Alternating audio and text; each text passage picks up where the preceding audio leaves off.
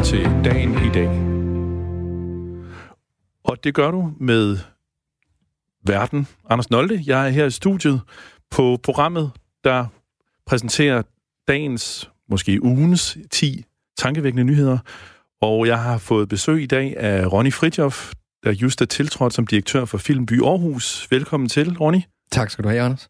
Nu kan du også høre noget, håber jeg. Det kan jeg nemlig. Der var meget øh, corona i luften under nyhederne. Vi må jo se, om vi kan snakke om noget andet også. Absolut. Du, jeg har fået en tvungen opgave, der er at udvælge 10 nyheder, og heldigvis måtte jeg vælge lidt fra, fra den forgangne uge. Ja, så der er lidt andet end blot virus. Ja. Men øh, hvad er din dag ellers budt på, Ronny? Jamen, øh, nu er jeg jo, som du sagde, ny i jobbet, så jeg øh, prøver stadigvæk at navigere rundt i øh, den her lille stilling, jeg har fået. Og øh, i dag har jeg været nede i Filmbyrå, som er den, jeg er blevet chef for, hvor jeg startede ud med at have et møde med en øh, filmproducent, der vil pitche et projekt, altså fortælle lidt om et projekt, som øh, hun mente, at vi måske skulle give lidt penge til at, at kan realiseres for. Ja, så det er lige på og hårdt, når man tiltræder sådan en stilling? Absolut. Ja. Der, der er jo, Filmbyrås er jo en masse bygninger, hvor vi har en erhvervspark, hvor folk, der arbejder med de digitale, visuelle medier, øh, sidder sammen i ja, ja. tre bygninger. Ja, og hvad er 80 små virksomheder ja, samlet? lige præcis. Ja. Og så har vi så derudover, øh, så er jeg også chef for øh, den vestdanske filmpulje, som uddeler omkring 34 millioner hver år.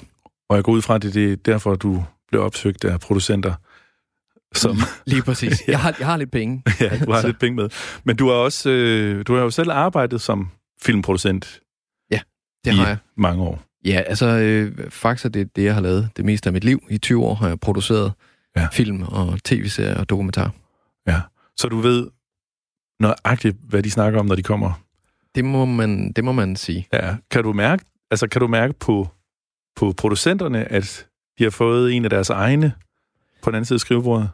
Altså nu, er det, den snak, vi havde i dag, øh, jeg havde i dag med en anden producent, var faktisk den første sådan face-to-face-snak. Der er selvfølgelig en masse, der har ringet og ønsket tillykke, og sådan ja. prøvet at få ud af mig, hvad vil du så med det her job, og hvad kommer det til at betyde? Ja. Og jeg har jo lovet mig selv, at jeg skal sidde i jobbet i omkring 100 dage, inden jeg sådan kommer med de helt store gyldne udmeldinger for, hvad jeg, hvad jeg mener og ikke mener. For jeg synes, det er vigtigt i starten af sådan en stor stilling og, at få masse inputs. Men selvfølgelig så øh, begynder man at gøre sig nogle tanker, eller jeg gør, og, øh, og lige så stille, så det har jeg da også fortælle folk om det. Men du har vel øh, haft tanker lige siden du fik den der opringning, har du ikke det? Jo, det har jeg, og, og jeg var igennem en, en ret lang ansættelsesproces, hvor jeg også blev, øh, blev testet godt og gevaldigt, og der skulle jeg jo også forholde mig til, hvad er det, jeg tror, jeg kan gøre for, for sådan et sted. Ja, for du er ansat af Aarhus Kommune? Lige præcis. Ja. Jeg er simpelthen blevet kommunal ansat. Så det er kulturrådmanden, der er din umiddelbare chef? Ja, og kulturchefen også, ja. Ja.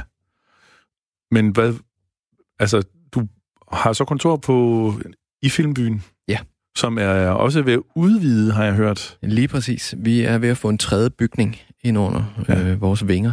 Og det vil sige, at øh, førhen var vi sådan lidt usikre på, om vi var Nordens største erhvervspark inden for, for de digitale visuelle medier, og nu kan vi nok sige med sikkerhed, at det er vi.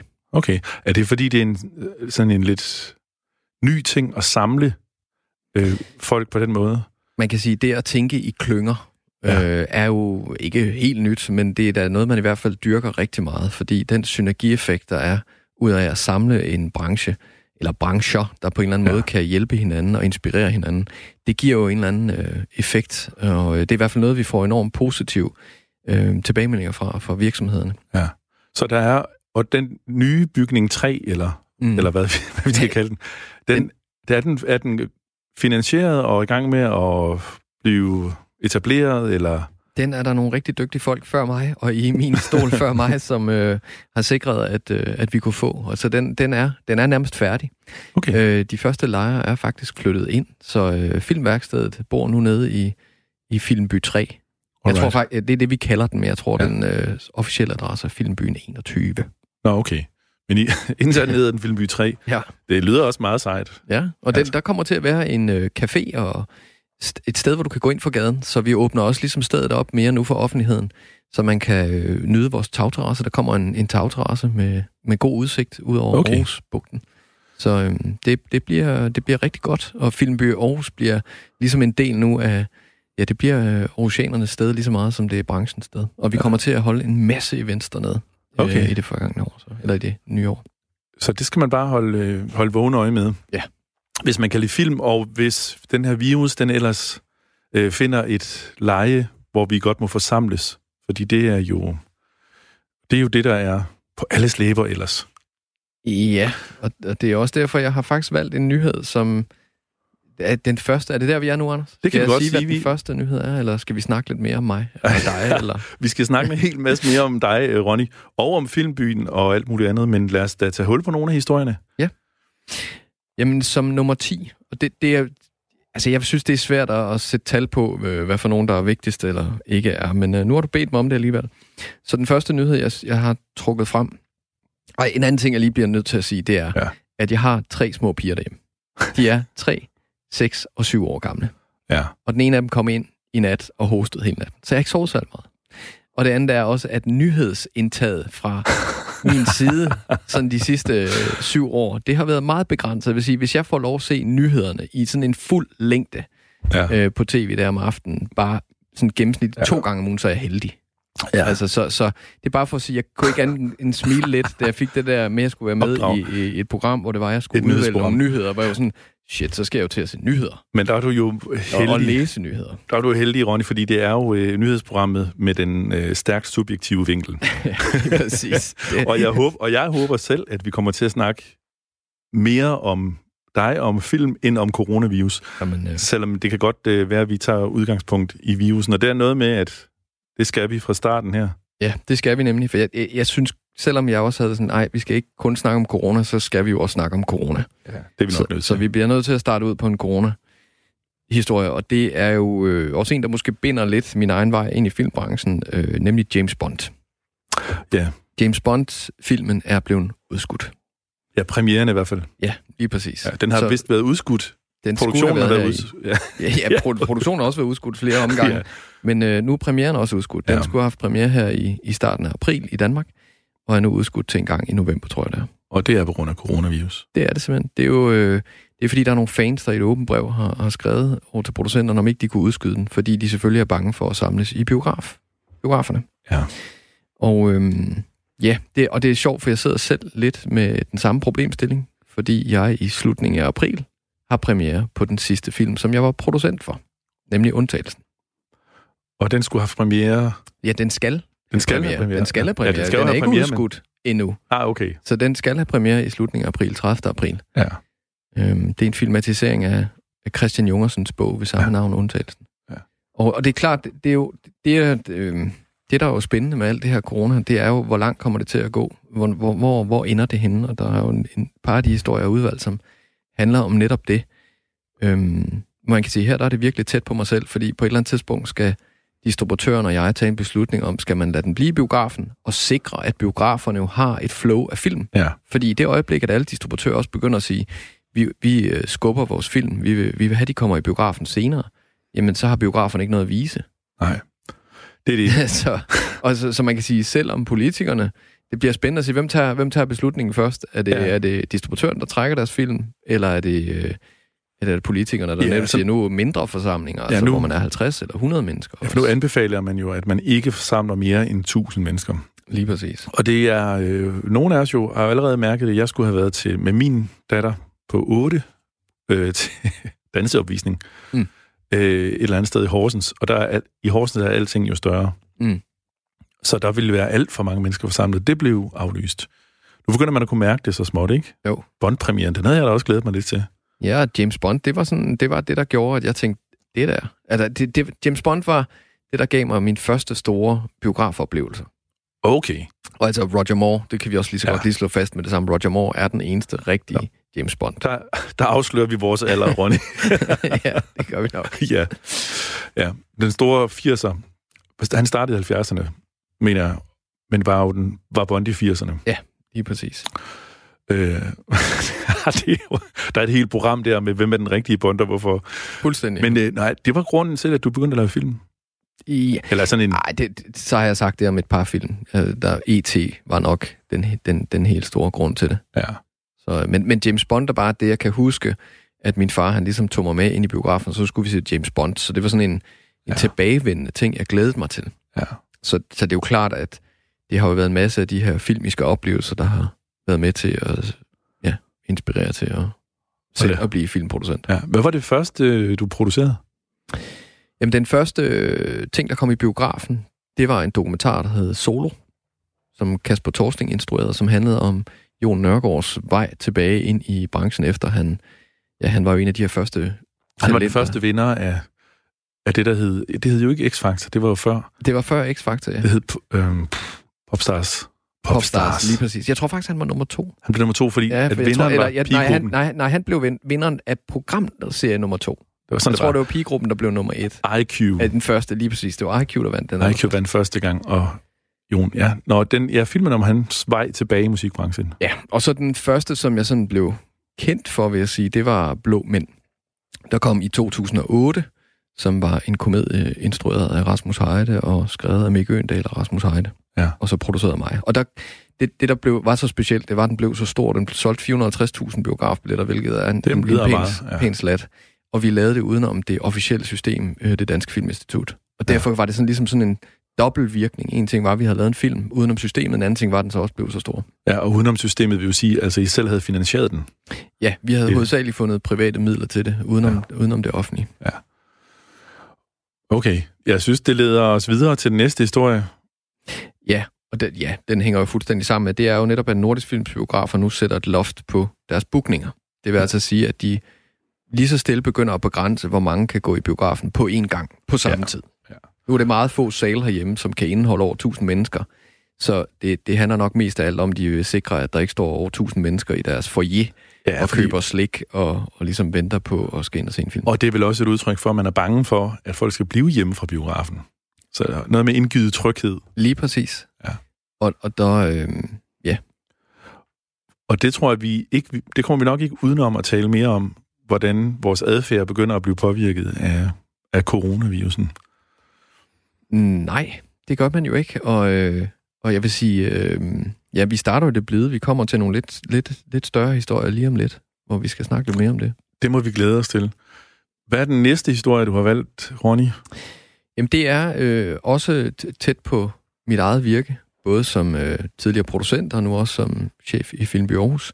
Det er, at øh, det Danske Filminstitut nu vil have, at øh, ansøgerne de øh, laver sådan et schema, hvor de gør regnskabet op med øh, fordelingen mellem mænd og kvinder på holdet. Ja. Så det vil sige, at man ligesom får en gennemsigtighed omkring, øh, hvad er fordelingen af kønnene. Ja, både altså medvirkende skuespillere og teknikere og fotografer. Og... Det hele. Ja. Over hele linjen på holdet, hvor mange piger, hvor mange drenge har man på. Har du som producent tænkt over de ting? Jamen det er jo klart, nu det her en snak, der ikke, øh, den, er, den er ved at være gammel, kan man sige. Især inden for min branche, vi har, vi har nu i, i et par år snakket omkring den her fordeling, fordi den har været skæv, og den er skæv stadigvæk. Ja. Øhm, der, er, der er flere mænd, der instruerer danske film, end der er kvinder. Ja. Og der er flere mænd, der skriver danske film, end der er kvinder. Og, og øh, det danske erhvervsliv halter langt bagefter de andre nordiske lande i antallet af ledere, kvindelige ledere. Det er overalt ligesom. Det må man sige. Ja. Og øhm, nu har jeg jo som sagt selv tre piger, så jeg har jo sådan et mål om, at det er kvinder, der skal styre verden, når jeg øh, går ja. bort. Nej, det er klart, at, hvis, at jeg tror, vi er jo alle sammen enige om, at selvfølgelig skal vi have, have lige muligheder ja. i livet. Det skal i hvert fald ikke være vores køn, der begrænser os.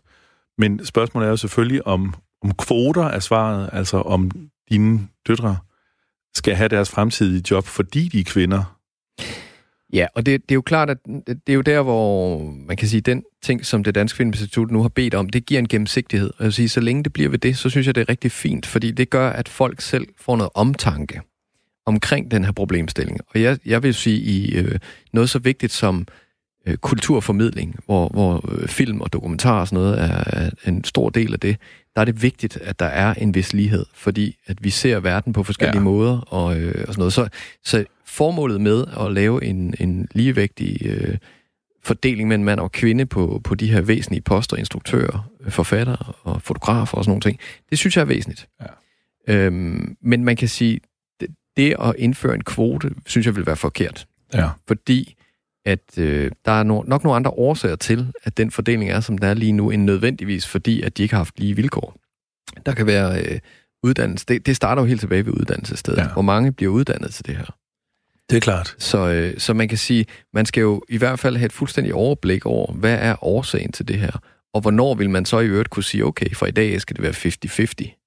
Tror du? Øh, og det tror jeg, at det er tiden ikke til lige nu. Nej. For jeg tror, der er nogle ting, der har gjort, at vi er, sidder på en historik, der gør, at færre kvinder har søgt ind som instruktør eller forfatter, eller generelt har fået muligheden. Ja. Øhm, Men tror, du, tror ja. du, du som chef for Filmby Aarhus kommer til at sidde med de der... Altså at forholde dig til, at I kommer til at mangle kvindelige ansøgere? Altså, kunne man forestille sig det? Nu har jeg ikke været igennem min første ansøgningsrunde endnu. Nej. Så øh, jeg kan faktisk ikke engang sige, hvordan fordelingen er Nej. i den vestdanske filmpulje. Men, men det er klart, at øh, jeg har, som jeg også sagde, kun en interesse i, at der er øh, en, en, en vis ligevægt. Øh, men, men igen, jeg er også klar over, at der kan gå noget tid, før man er nået derhen. Så jeg vil kigge, jeg vil kigge hele vejen ned fra, jamen faktisk nærmest fra folkeskoleniveau, og sige, hvordan ser det ud der? Hvor, hvor den medieundervisning, der foregår allerede på folkeskoleniveau, føler pigerne, at de kan komme til med deres fortællinger? Føler de, de bliver hørt? Ja. Føler de, eller, eller er der en eller anden barriere allerede dernede, der gør, at de vælger det her fra? Ja. Øhm, og der har vi et initiativ, der hedder POV, hvor man altså underviser øh, børn helt ned i folkeskole, 4. klasse niveau, hvordan de fortæller en, en historie. Filmisk. Ja. ja. Så de lærer om en start, en midte og en slut. Ja. Øhm, og det vil sige, at igen kunne det være interessant at kigge der på, hvor mange gennemfører det kursus. Altså, og hvor mange laver en film.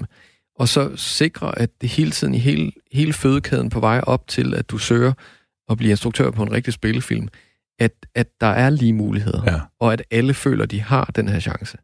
Og så kan man sige, hvis man har sikret hele, hele fødekæden hele vejen op, så kan der være nogle andre årsager til, at der er en skæv fordeling. Og hvis den fortsat eksisterer, så skal man også kigge på, okay, er der en årsag til den, og skal vi i øvrigt gøre noget ved det, eller er det bare sådan, det er? Altså, øh, ja.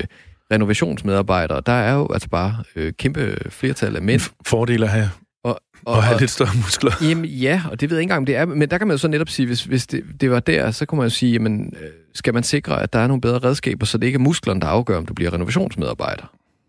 Det er rigtigt. Altså, så man må jo kigge på de ting, der gør, at sige, der er i hvert fald ikke en barriere i forhold til mand-kvinde, øh, hverken fysisk eller psykisk, eller hvad det er. Det kan så være nogle andre grunde til, at folk vælger, ja. som de gør. Og der synes jeg et eller andet sted, der skal man også lade folk vælge det, de gør. Jeg synes ikke, man skal påtvinge dem eller kvote sig ud af, at der er, en, der er nogle gange er forskel på, hvordan vi agerer. Det er der sikkert også på køn. Øhm, ja. Du lytter til Dagen i dag. Og jeg har besøg af Ronny Fritjof, nyudnævnt direktør for Filmby Aarhus. Vi prøver at undgå at snakke om coronavirus, men vi kommer øh, for svært ved at komme helt udenom det. Hvad, øh, hvad har du valgt til os, Ronny, på øh, syvende pladsen? På syvende pladsen, ja. Det, jeg skal være ærlig og sige, det var sådan en, at jeg, jeg skulle jo sidde i dag og prøve at kigge lidt på alle de her fine nyheder. Og øhm, den her, det er sådan en af dem, hvor jeg sådan, jeg på overskriftsniveau synes, det lød, øh, det lød ret interessant. Eller der var i hvert fald noget bagvedliggende, man kunne snakke længe om. Og det er i forhold til, at øh, Danmarks Radio har fået noget kritik Øh, jeg kan lige læse op, for jeg tror ikke, der er så mange, der måske kender den her nyhed, men der står, øh, kritikerne beretter om et problem... Nej, lad os lige tage overskriften. Det er, direktør afviser generelle problemer efter anonym kritik af strategi og trivsel. Kritikerne beretter om et problematisk pres for at levere indhold, der i højere grad er skåret til digitale platforme, og ikke mindst streamingtjenesten DRTV. Efter DR har lukket de tre flow-kanaler DR3, DR Ultra, DRK ved nytår, og nu skal nå flere digitalt. Det tilsidesætter ifølge kritikken på public, public service-værdierne til fordel for underholdningsværdi og digital gangbarhed. Ja. Og det vil altså sige, det her med øh, den nye digitale virkelighed, der gør, at vi ikke længere øh, bare sidder og ser det, der kommer på tv, men vi rent faktisk selv tager nogle valg. Øh, og der synes jeg, det er jo ret interessant at snakke om, hvad er, eller public service er jo, at vi, vi laver noget indhold, der har en høj kvalitet, og som er med til at binde os sammen som en befolkning, og, og informere os og øh, lære os noget nyt, øh, give os mulighed for at diskutere, øh, ja, snakke med hinanden. Noget, som var noget lettere i monopolets dage. Lige præcis, fordi øh, da du og jeg var ung, Anders, der kunne vi ligesom, øh, jamen hvis vi skulle se tv, så var der næsten kun én mulighed. Og så fik vi det, der var. Det vil sige, man kunne ligesom sørge for, at der var en ligevægt mellem øh, underholdning og, og, og så Information, øh, informationer, som, som gav et, et oplyst samfund. Ja, man havde jo endda det program, der hed Oplysning oplysninger til borgerne om samfundet. Jamen, det var skønt. Og ja. hvor mange udsender sig ikke også har set om, hvordan bestemte fabrikker fungerer. Ja. øhm, Ja. ja. Så, så altså, og, og der kan man sige, der i dag nu, hvor vi, øh, hvor forbrugerne selv vælger, vi kan selv vælge, jamen går man så efter de lavest hængende frugter. Ja. Øh, og hvor er public service værdien så i det, og hvor meget skal DR gå med på den bølge, altså øh, tage nogle ting, som folk øh, efterspørger, eller skal de Ja. hæve baren? Det her skal jo stadigvæk levere public service, og det er selvfølgelig sværere på de digitale medier, især, må man sige, når folk skal vælge det. Ja. Det er trods alt nemmere, når der er en knap, der hedder DRK. Ja. Og, og der, øh, der kan man sige, i forhold til den her kritik, så, øh, så forstår jeg godt problemstillingen. Jeg forstår godt, at det er svært for DR at agere i den her nye verden i forhold til øh, balancen mellem... Jamen altså, X-Factor er også et godt eksempel, som er gået fra fra DR over til TV2. Ja. Øh, tror jeg, fordi der var så meget kritik af til sidst, at det er noget, DR skal, skal lave. Ja, det har der været fra starten, kan man sige. Lige præcis. ja, lige præcis. Og altså, jeg, jeg, tror, jeg tror på en, en stærk public service station. Ja, det tror jeg også helt generelt på. Det skal vi have. Vi skal have et stærkt Danmarks Radio. Men Danmarks Radio skal også have lov til at agere inden for de nye, øh, nye virkeligheder, der er. Så de skal, de skal lave en fin balance mellem noget, som folk efterspørger og, og, og, og klikker på. Ja. Og så det, som er, er sådan lidt mere øh, oplysende, og måske også øh, er noget, vi andre, der er- interesserer os for et bestemt felt, vælger. Så, så de skal have råd til at lave noget til, til minoritetsgrupper. Og en, og en vigtig ting i den sammenhæng er jo også, vi skal også finde ud af, hvordan får vi public service værdier ud på alle de andre platforme. Og der ved jeg ikke, hvor meget du kender til det, Anders, men der er jo sådan en pulje, der hedder Public Service Puljen. Jeg har jo, ligesom de fleste andre nok hørt det nævnt. Ja, det er sådan en pulje, man lavede på et tidspunkt, da øh, der var, der var nogle overskydende licensmidler. Jeg, jeg har aldrig forstået, hvad overskydende licensmidler betyder, om det betyder, der ligger en palle med 100 millioner derovre i hjørnet. Vi har ikke helt fundet ud af, at vi skal bruge den til endnu. Nej, Øh, men nej, der var nogle overskydende licensmidler. Det var- Ja, den der, den der øh, pejlevogn har simpelthen været for effektivt år, Lige og så var der lidt ekstra cash i Ja. hjørnet. Og, og der skulle man så finde ud af, hvad skulle man gøre med de her penge, og der øh, kom der så en politisk velvilje til at lave en public service pulje. Og det synes jeg faktisk var ret godt set af politikerne. Fordi det man så gjorde, det var, at man sagde, at der skal være nogle af de her penge, som egentlig var tilegnet til DR, som nu går til, at vi kan lave noget indhold til de andre stationer. Ja. Så det kan søges. Yes, så der kan man simpelthen gå ind, som øh, hvis man er, øh, ja det kan være Netflix. Netflix kan søge om nu nogle penge i public service puljen. TV2 kan også søge om det. Øh, ja, det kan alle andre stationer Ja. end det er. Og, det- det, og det vil sige, det, det kræver så, for at få de penge, så skal man lave noget indhold, som har public service pulje værdier. Ja. Og der har jeg jo siddet som producent øh, og, og netop skulle sidde med en tv-station og så tænke, okay, hvordan, hvordan højner vi kvaliteten af det, vi har gang i her? Vi vil gerne søge public service puljen, de har nogle penge, vi gerne vil have fat i. Hvordan sikrer vi, at public service niveauet er højt? Ja. Så det vil sige, at den pulje er ligesom med til at skærpe øh, de andre broadcaster eller de andre Ja, øh, producenter. plat- producenter platforme Ja, ja. til at skabe noget public service indhold. Og det, det tror jeg faktisk er en, en god kombination med en stærk public service kanal, det er, at vi har sådan en pulje, som er med til at, at sørge for, at de andre faktisk hele tiden opper sig lidt i forhold til public service. Men når du siger, at, øh, at du synes, vi skal have et stærkt DR, hvad så med at flytte alle midlerne over en pulje? Ja. Nå, men det er da faktisk et interessant tankeeksperiment, men jeg vil så sige, at jeg synes, DR er så dygtig til at Ja. lave public service indhold, at man vil ødelægge noget, som er rigtig godt. Altså nu, som sagt, har jeg jo de her tre små dejlige øh, unger, og øh, de elsker at se Ramachan. De elsker det, DR laver for Ja. børn og unge. Det er også påfaldende, hvis man har set børnefjernsyn inden for de sidste 5-10 år. Ja. Hvor stor forskel der er på det, Disney Channel udbyder, Ja, yeah. og det Danmarks Radio laver. Det, det må man nok sige. Og det igen, det, det er der, hvor jeg i hvert fald i, i min hverdag nu virkelig ser værdien af at have et stærkt DR. Ja. Øhm, det er jo, at, at de, kan tage sig nogle friheder, og de kan tage nogle chancer, de kan gøre noget for, for nogle grupper, som for eksempel her i tilfældet børn, og så satse hårdt på det og bruge en masse penge, som en kommersiel station aldrig ville gøre, eller Ja. i hvert fald ville have svært ved at få så- lov til. Og så er der jo en tradition for det, ikke? At der er en kultur i huset. Mm, Altså børne- og ungdomsafdelingen har jo været et fyrtårn Ja. længe. det må man sige. Hvad de fleste blev mindet om, da Mogens Wemmer Lige døde præcis. her lige at i sidste uge. Ja, være hans minde. Ja. Øh, Ron, vi, vi, er, vi snakker godt, synes jeg. Det gør vi. Vi har brugt en halv time, og vi er nået... Ah, vi mangler Vi lidt skal faktisk... Det gør vi. Så lad os gå videre til næste historie, du har valgt til os. Ja, det er, nu er vi tilbage i coronaland. Og øh, det er, at Frankrig de forbyder opsamling eller forsamling øh, på over 1000 mennesker. De Ja. forbyder. Nu er det altså et forbud. Ja. Så, øh, så det er ikke en anbefaling, som vi, vi har herhjemme. Det er et forbud. Og øhm, men hvorfor tog jeg den med? Det gjorde jeg faktisk, fordi at jeg har gået sådan og tænkt lidt over, og det hænger også lidt sammen med en, en, en nummer to nyhed. Som det er en teaser, det jeg laver nu, Anders. Jeg laver en teaser til Du er stadigvæk lidt en, en producent, en historieproducent. Lige præcis. ja. Nej, øhm, jeg synes, det er, øhm, det er ret vildt, som man ser verden agere nu. Altså, øh, vi har virkelig mange øh, organisationer, firmaer, privatpersoner øh, og så stater, der nu går ud og laver en meget, meget hurtig behandling af en problemstilling, som er øh, verdensomspændende. Ja. Ja. Og jeg synes, det sammenhold, der næsten, kan, eller den, den øh, det er en beslutsomhed, Ja, ikke? beslutsomhed, lige præcis, tak. Den, den, er, den, den er fantastisk. Øhm, det, det, er, det er positivt at se, at verden faktisk så hurtigt kan agere på en problemstilling. Og det sjove ved det er, altså, når man så kigger på den reelle problemstilling, hvor mange mennesker dør af den her sygdom, så er det jo forbavsende få i forhold til, hvor hurtigt der bliver ageret, og hvordan der bliver ageret. Og der kunne jeg godt ønske lidt, at man på miljøsiden så samme ageren. Og det Ja. undrer mig faktisk rigtig meget, at når man øh, har oplevet noget som i Australien, hvor over en milliard dyr dør i en skovbrand, og, øh, og, og også flere mennesker, end jeg tror, der er døde af corona i Australien, at man ikke der altså, agerer på samme måde. Ja. At man ikke der hurtigt går ind og tager nogle politiske beslutninger, som kommer til at gøre ondt på virksomheder, som kommer til at gøre ondt på, på private økonomien derhjemme, men som viser, at man siger, at vi tager det her seriøst, for lige om lidt, så er der rigtig mange mennesker, der dør af de her miljøudfordringer, hvis vi, vi gør noget nu. Ja, fordi at øh, en side af den her historie er jo, at øh, antallet af flyrejser daler dramatisk. Mm. Øh, benzinpriserne styrtdykker, Mm. fordi at folk holder sig i ro.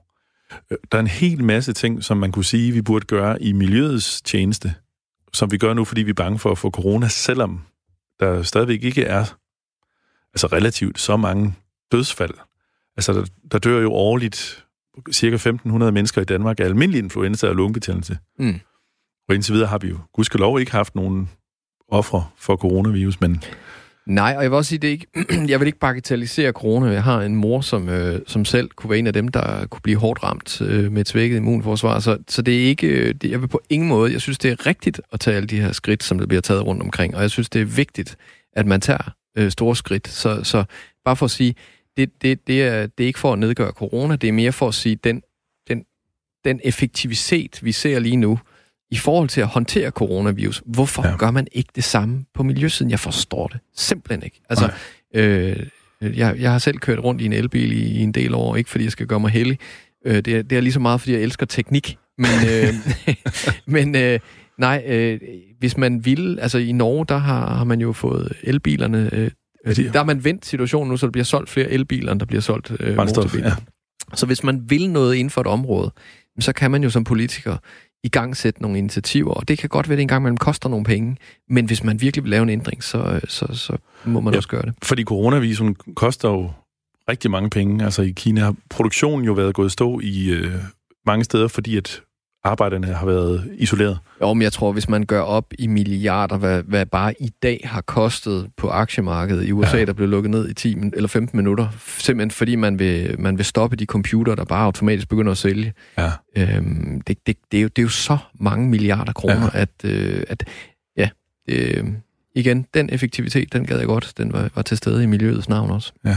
Hvad skal vi gøre, Anders? Vi, skal, vi er nødt til at gå videre. okay, så vi kan, ikke finde på en, vi kan ikke finde på en løsning nu. Jeg tror, Nej. det var derfor, vi havde lov til at snakke. Nej, nej vi, har, vi har kun en lille time, og vi, vi kan kun snakke om tingene. Vi må ikke, øh, det ville være fantastisk, hvis vi havde nogle, hvad kan man sige, beslutningsautoritet, eller hvad hedder sådan noget. Jamen, jeg synes, du skal indføre, at med hver nyhed, der skal også ligesom være en beslutning for, hvad gør vi? Jamen altså, i sidste program, der, øh, der kom jeg med den anbefaling, som jeg gerne vil gentage, at man sørger for at spise jern og D-vitamin. Okay. Og når det er sagt, det, det synes jeg, det var en stærk udmelding. ja, men det er jo fordi, at jeg selv tror, at coronavirusen er vi nødt til at øh, lære at leve med, Mm. og derfor er vi nødt til at styrke vores immunforsvar.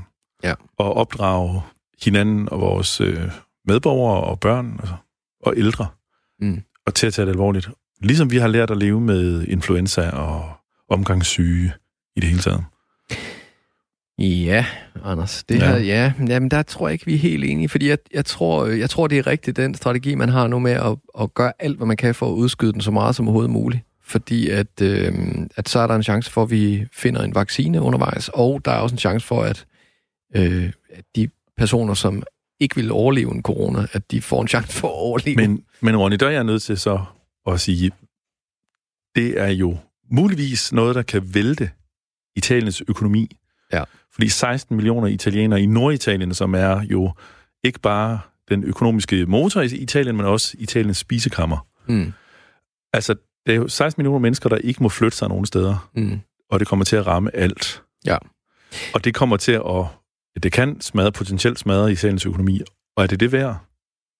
Og det er jo den opvejning, som du og jeg heldigvis ikke skal tage, Lige fordi præcis. vi ikke er politikere, men du har jo fuldstændig snakke. ret. Du har da fuldstændig ret, ja. Anders. Det er, da, det, det, er jo, det, er da- det er da en kæmpe problemstilling. Ja. Skal, man, skal det koste nogle mennesker livet? Men, men jeg vil så sige, der er jo en helt anden problemstilling, og det er jo hele sygehusvæsenet, som jeg forstår det, vil jo, vil jo bryde sammen, hvis man bare lod sygdommen øh, ja, ja, frit leje. Jamen, det, skal, det, er jo, det er ikke det, jeg er ude efter.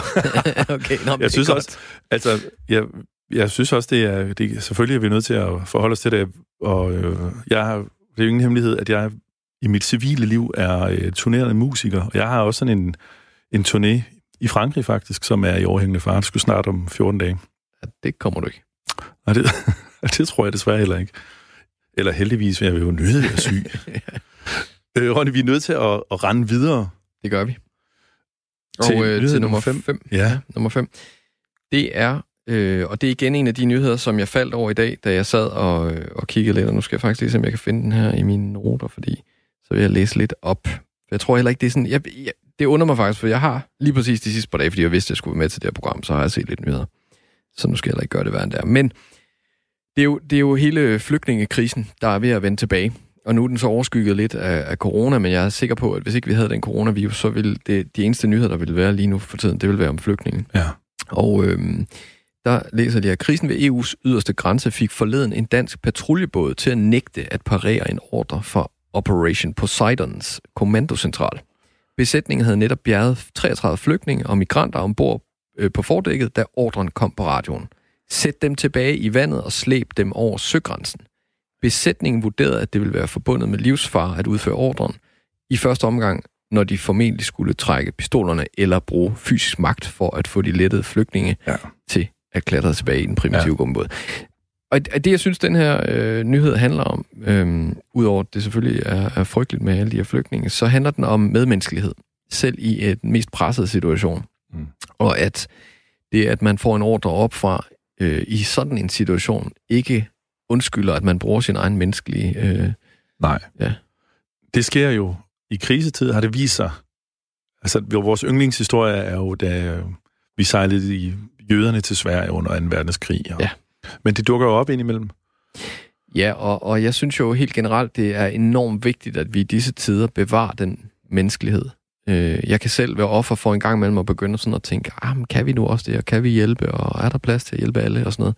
Og det er, det er frygteligt farligt, når man begynder at have de tanker. Og det, er jo, det bliver vi jo præget af, fordi vi bliver præget af nyhederne, vi bliver præget af øh, en ting, der i sidste ende jo også er om vores eget levebrød. For jeg tror i virkeligheden ikke, der er nogen mennesker derude, der ikke har den menneskelighed. Hvis der stod en og bankede på og sagde hjælp, Nej. så vil vi alle hjælpe. Ja, det er en god pointe. Øh, så jeg tror, det handler om, at vi... For det første er det lidt langt væk, så kan man tillade sig at mene alle mulige ting. Og så er det selvfølgelig også det der med ens eget levebrød. At går det ud over mit eget levebrød en eller anden dag? Øh, fordi det er jo noget andet, hvis lige pludselig der var tusind mennesker, der bankede på, eller rettere sagt begyndte at tage dit levebrød. Så, så er det jo, at du begynder at tage nogle drastiske beslutninger. Jeg tror også, det var, det var det eneste, der kunne få mig til at tage nogle drastiske beslutninger, eller miste min menneskelighed. Og der er jo så jo et spørgsmålet, Ja. den dag man nåede dertil, hvad vil man så helst? Ja. Ja. Vil man miste sin menneskelighed, eller vil man sige, okay, så er det det?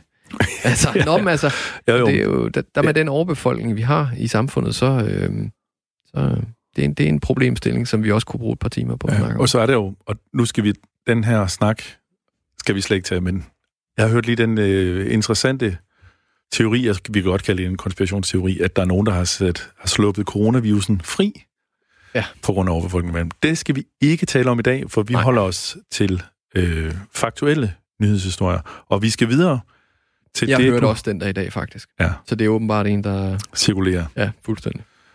Vi skal videre til nyhed, nummer 4. Ja.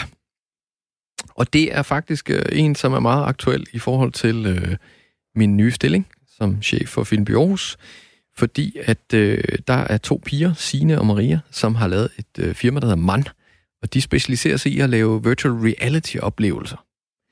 Og øh, de har lavet en oplevelse, som får folk til at græde. Øhm, og det er virtual reality, øh, jeg tror de fleste efterhånden ved det, men det er i hvert fald, at man får nogle briller på, hvor det er, man så lige pludselig er der. Ja, og der en kan man lave filmoplevelse.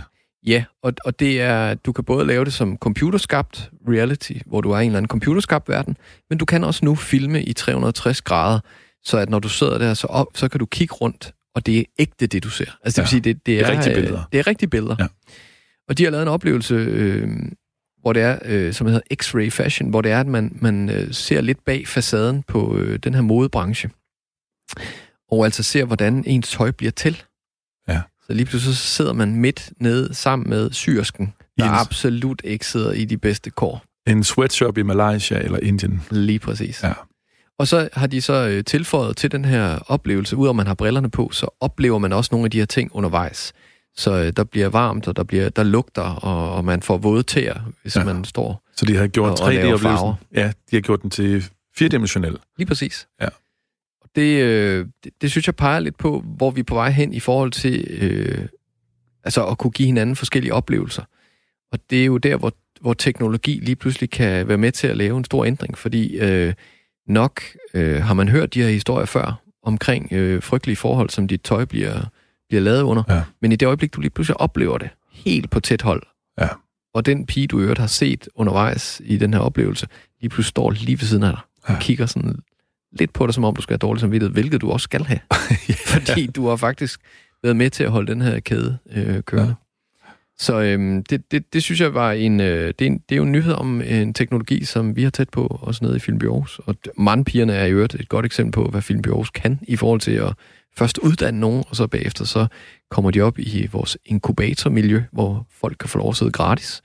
Okay. Oh, det er reklame nu, ikke? Det er jo, jeg synes, det er okay. Er det ikke det? Vi må ikke rigtig reklamere for noget, men jeg synes, øh, i den Jamen, her det er- sammenhæng, der det er giver det, gratis, så det er vel heller ikke... Mening. Det giver mening. ja, lige præcis. Du lytter til Dagen i dag. Og det gør du med mig, Anders Nolde, og jeg har besøg af Ronny Fridjof, der, som I måske har luret, er direktør for Filmby Aarhus. Og en mand, der øh, har tænkt sig om i forhold til vores øh, tankevækkende historier, hvor vi nu er nået til på vores omvendte top 10-liste. Vi starter bagfra, er nået til den tredje mest tankevækkende nyhed. Det behøver det ikke, det siger jeg ikke for at, Du lægger et pres. Du lægger et pres, og jeg har sagt fra starten af, at øh, jeg synes ikke rigtigt, at jeg kunne prioritere nyhederne, men øh, fair nok. Du, du bad mig om det, så nu har jeg prøvet. Vi har forsøgt, og jeg synes også, man skal... Det er også i orden at fejle, det skal dine døtre også lære. Lige præcis. Nå, men det vil jeg så sige, det, det, det er også noget, vi kunne snakke om en time, men det Ja. ja. der med at have lov at fejle, og i øvrigt at leve i et samfund, hvor vi ikke binder hinanden op på hinandens fejl, men hinandens succeser. Ja. Øh, Det synes jeg er vigtigt, og der er, der er nyhederne desværre. Anders, det må du lige gå ind og snakke med din redaktion om. De er jo gode til en gang imellem at, at hænge folk Ja. ud i, i forhold til deres fejl, De, og ikke hænge folk ud, eller fejre succeserne. ja, de negative historier fylder nogle gange lidt meget. Det gør de. Jeg ved ikke, om vi kan få en positiv vinkel på corona lidt senere, men vi kan da prøve. Det, det, kan, det kan jeg så love. Det kommer. Det er godt. Det kommer. Uha. Ja, Ja, Men, cliffhanger igen. øh, ja en cliffhanger igen. Det, Det er, øh, det er godt at have sådan en øh, historiefortæller i studiet. Men på tredjepladsen, Ronny, der er førerløse biler. Eller busser, er det faktisk. For der er, vi har jo fået den første førerløse bus herhjemme i Ja. Danmark. Ja. Og, øh, og det er altså en milepæl. ja, også selvom den ikke kører så langt. Kører Ja. på en lukket bane, jeg tror, den kører... Øh, Den kan heller ikke køre udenom ting selv. Nej. Endnu. Men, men det, som, øh, det er meget sjovt, fordi det her det har været sådan min øh, cocktailsnak, jeg har haft med folk øh, til alle øh, familiefester eller andre. Øh, når først man trykker på en knap omkring førerløse biler, så, så fortsætter det ud af. Ja. Fordi at øh, det er en teknologi, som ikke særlig mange lige nu forstår, hvad den kommer til at have betydning for os om meget få år. Så det er lidt ligesom, øh, jeg sammenligner lidt med, da vi alle sammen rendte rundt med en stor Nokia-telefon, og så kom iPhone eller Ja. ja. smartphonen. Ja. Og altså, der, der, der gik ikke et år, så havde alle smartphones, eller to, eller hvor lang tid det gik. Der gik meget kort tid. Ja. Så var der ingen, der skulle eje en Nokia Og du forudsiger, at de førerløse biler kommer til at ramme os på samme måde. Fuldstændig på samme måde. Fordi hvem gider have en bil, hvor man skal sidde og bruge tid på at køre, når du egentlig bare kan få en bil til at køre dig? Du skal jo tænke på, al den tid, du har brugt på transport, uanset hvornår, om det er morgen, hvor du skal på arbejde, og du sidder og bruger en halv time, eller tre kvarter, eller en time på at køre på arbejde, der begynder din arbejdstid ikke længere, når du kommer ind til dit arbejde, den begynder, når du sætter dig ind i en bil. Det vil sige, at du får altså en time mere med din familie hver dag. Fordi du, når du kører frem og tilbage på arbejde, hvis du har en halv time, så kan du registrere det som arbejde, fordi du sidder allerede der og arbejder. Så ja. din, du får lige pludselig en times mere kvalitetstid. Ja, og så, så kan man jo sige, at det samme kan man jo i busser og tog nu. Men der vil du det, sige... Det, det kan du sådan set godt, og, og hvis du har en, en tur fra København til Aarhus, eller Aarhus til København, så giver det enormt god mening at sidde med sin computer i tre timer. Men det er klart, hvis du, hvis du, hvis du skal gå hen til et tog, og du så skal sætte dig ind, og så er du lige på den i 20 minutter, og så skal du gå ned til dit arbejde, så, så får du ikke så meget effektiv tid ud af det, som du gør i en bil. Og, øhm, og igen bliver det jo sådan, at spørgsmålet er fremadrettet, hvor meget bruger vi overhovedet togene øh, og busserne, fordi i det øjeblik, at du har en masse førerløse biler, som kører for alle, det vil sige, de er ikke begrænset til kun at køre for dig, fordi du gider i øvrigt nok slet ikke at eje din bil, jamen så bliver det jo sådan, at, at vi har en app, ligesom vi har kendt Uber og også nu efterhånden de danske taxa-apps, så trykker du på en knap, så kommer der en bil og henter dig, kører dig derhen til, hvor du vil. Du kan have valgt at sige, at jeg vil gerne dele den tur med nogle andre, så den stopper måske også lidt undervejs. Men alfa og omega er, at du får turen billigere, end du gør med det, som offentlig transport koster i dag, og du får den hurtigere. Ja. Så, og du skal ikke til at finde hen til offentlig transport. Så jeg tror, jeg tror og så er det jo øvrigt øh, el, det hele kører på, ja. så man kan sige, det, det aftryk, der kommer CO2-mæssigt, når en bil kører så langt, det er også væsentligt mindre. Og den teknologi er jo også tættere på. Nu er men jo begyndt at have lavet batterier, der kan Lige der præcis. har rækkevidden til, at det rigtig giver mening, ikke? Lige præcis. Øh, General Motors er kommet ud med en nyhed, jeg kan ikke huske, om det var i går eller i dag, men øh, med at de, øh, de nu er ved at lave nogle batterier, der er både billigere og som rækker meget længere. Og Tesla har også sagt, lige om lidt har vi et event, hvor det er, at vi lancerer noget, som er banebrydende inden for det her. Ja. Og det vil sige, at vi allerede i år kommer til at se nogle biler, som kan køre 700, 800, 900, måske 1000 km på en opladning. Ja.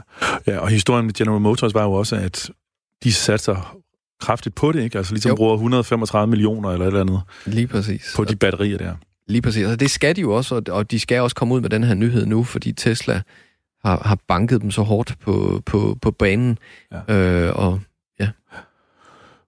Hvor lang tid, Ronny, tror du, det går, før vi har de selvkørende biler? Det kommer helt an på politikerne igen. Ja. Fordi du kan sige, de selvkørende biler er her. Øh, jeg har kørt herind i en, en Tesla, øh, som i virkeligheden, hvor hvis jeg ringer til Tesla og giver dem lidt penge, så har den selvkørende funktion. Men, øh, men politikerne skal tillade det her hjemme i Danmark. Ja. Så man kan sige, øh, jamen det kunne blive næste år. Altså i 2021 kunne vi sagtens se, hvis politikerne øh, vil lave nogle forsøg rundt omkring i landet, så vil der være selvkørende biler allerede næste år. Og måske allerede i slutningen af året også.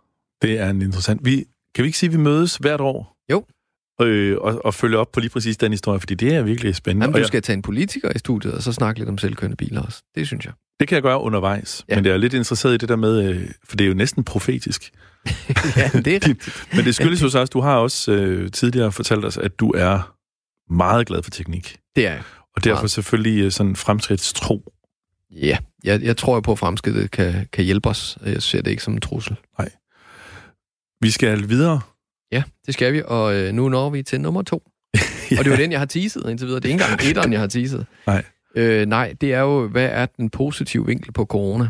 Og øhm, det er nu en nyhed, der faktisk er. Den er altså lige lidt over en uge gammel, så jeg, jeg har ja, men det er i orden.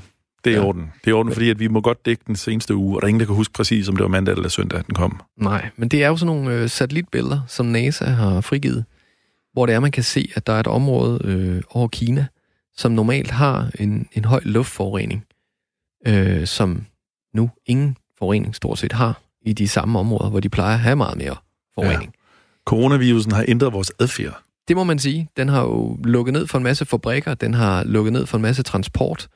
Så det vil sige, at de her områder, de oplever nu lige pludselig, hvad det vil sige at have ren luft. Og der er jeg da lidt spændt på, om det er noget, de begynder sådan at kunne lide. ja. altså, man ja. kunne forestille sig, at de faktisk tænker, det er da meget fedt, det her ren luft. Ja, det kan noget, det koncept. Ja, men ja, paradoxalt nok er det jo en af grundene til forureningen jo, at kineserne ville have nogle goder. De ville have biler, for eksempel. De ville rejse. Ja. Så de der krav, og det er jo en hel diskussion i det der med, hvad det har økonomiske konsekvenser, men, men det der med, at sådan en undtagelsestilstand, som coronavirusen er ved at blive, flere steder, ikke? Både nu, altså Italien har de der forbud og har lavet store karantiner, sådan nogle de røde zoner. Mm. Frankrig hørte vi, man ikke må forsamles mere end 1000 mennesker. Jo, og folk aflyser, øh, inklusive mig selv. Jeg har aflyst en tur. Jeg havde en kærestetur med min kone her i slutningen af måneden til Rom, som vi har valgt at aflyse. Ja. Simpelthen fordi vi ikke, øh, vi tør ikke risikere, at vi lige pludselig ender i karantæne uden vores børn i 14 dage. Nej, det er det. En ting er at komme derned, men det er ikke Ja. ja. sikkert, at rejse hjem. Lige præcis. Så, øhm, så man kan sige, det har jo en stor betydning for folk rundt omkring. Og, og, og som du siger, man ændrer øh, mønstre for, hvad man normalt ville have gjort. Og det har sådan en positiv indvirkning på, på miljøet. Og der bliver det spændende igen, tilbage til vores snak før. Får politikerne også lige pludselig en aha-oplevelse af, at de gør en masse ting her meget hurtigt, som har en stor effekt. Og, som ja, kan det koster nogle penge, og det kan lade sig gøre, og det koster nogle penge, ja, men i virkeligheden gør man en forskel meget hurtigt. Kan det inspirere dem til at bagefter kigge lidt, når de mødes til COP 20, eller, Ja. og, og så sige, okay, hvis de mødes til COP 20, det kan være, at det bliver aflyst dyrt Ja. på grund af corona. Men nej, at, at de så siger, okay, vi, øh, vi kan noget, vi skal noget, og vi, vi skal rykke lige så hurtigt, som vi har gjort på det her. Ja. Det er jo et spørgsmål, vi kunne stille direkte Ja. til vores politikere. Det kunne vi, Er der noget inspiration at hente her? lige præcis. Radio 4 taler med Danmark.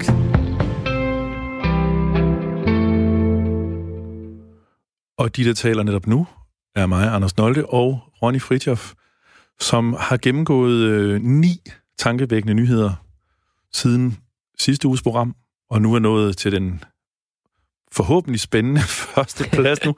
Byggede vi meget op til nummer to. Hvad er, øh, hvad er dagens øh, tankevækkende nyhed? Jamen, øh, det er Rysensten Gymnasium. De har Ja. simpelthen bedt alle deres elever om at gå hjem. Ja.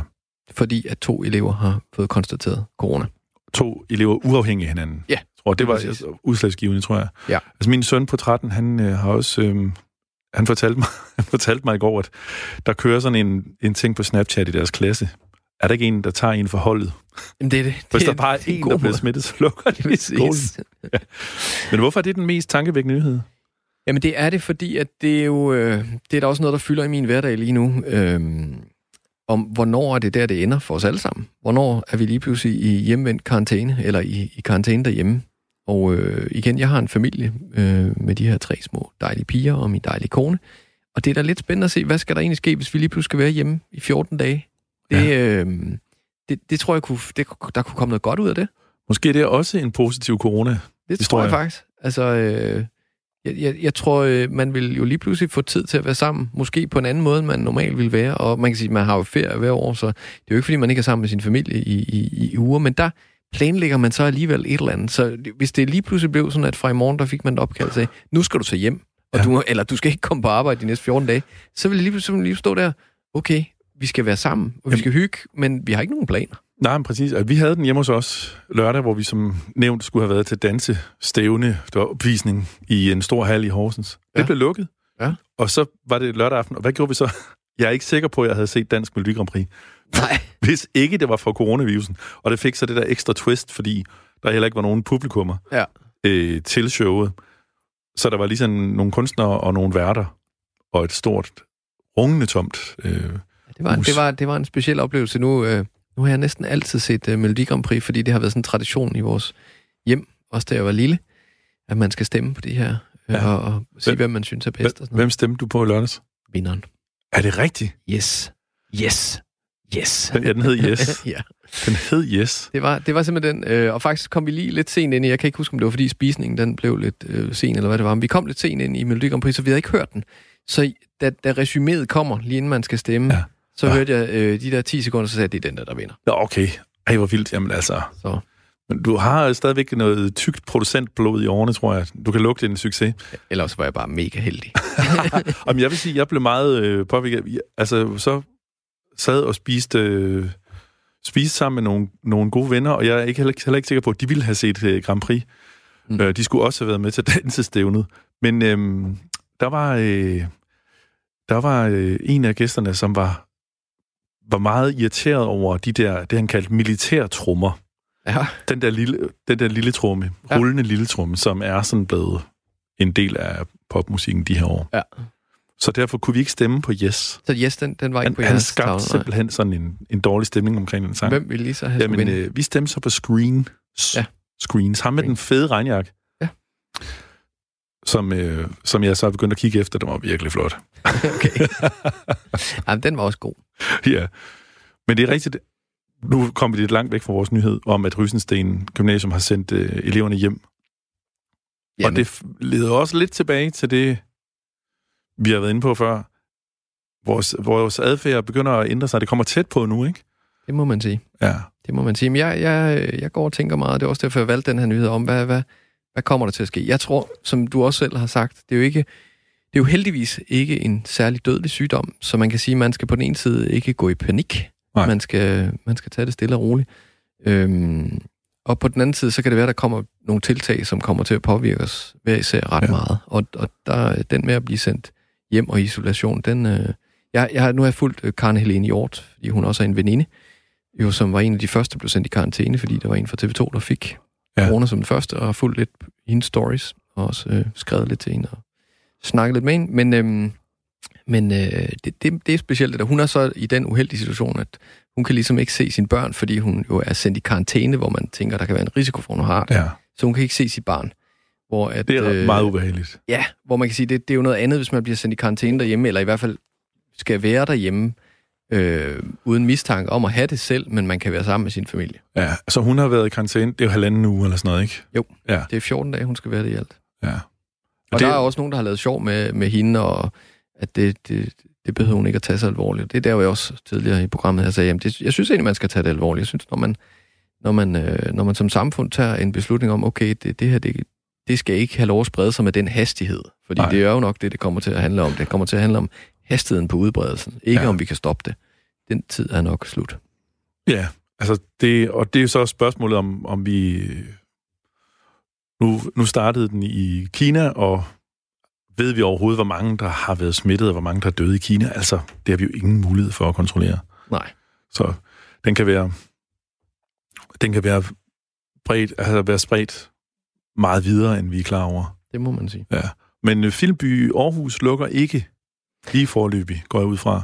Ja, Ja, øh, det er altså- altså... jeg ikke selv herre over, fordi man kan sige, det er jo, nu er Film Aarhus også en offentlig instans, så man kan sige, det, det vil jeg få at vide op fra, tror jeg, hvis det var, at, øh, eller det vil jeg helt sikkert. Ja. Ja. Men det er klart, jeg har allerede fået nogle, øh, nogle ting omkring, som Hvordan skal forholde jer. hvordan vi skal forholde os, og der ja. Ja. er selvfølgelig også noget omkring medarbejdere, hvis man har været Ja. ja. i en risikozone. Hvor, hvor mange øh, arbejder i Filmby Aarhus? Vi har cirka 15 stykker. Ja, i, altså det er sekretariatet. Ja, lige Men, præcis. sidder på samme men kontor. øh, alle de små men i, virksomheder, der er jo 80 virksomheder, så der Ja. er jo der er mange. ja, Det, har det kan sagtens være på. 500 mennesker. Ja, det kunne det sagtens. Ja. Men Fordi det der er, spændende. også, der er også universitet, der har en, en, en uddannelse dernede. Ja, okay, så kan det være, der i virkeligheden er et større flow igennem.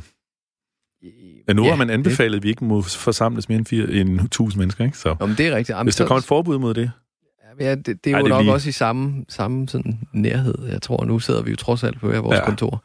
ja, eller ja, og som vi hørte, i bygning 3. ja, ja, for nogens vedkommende, ja. Ja.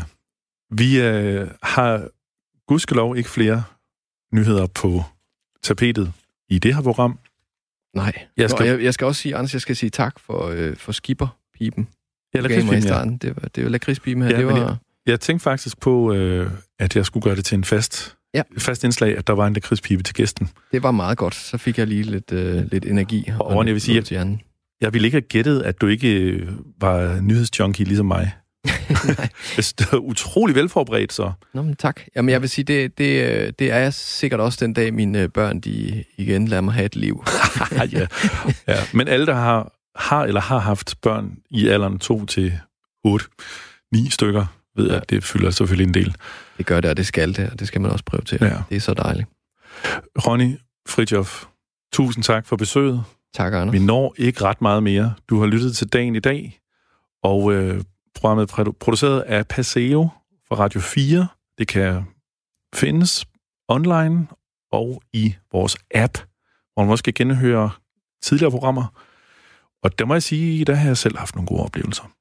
Nu håber jeg, at vi får en god oplevelse med nyhederne, som I får her.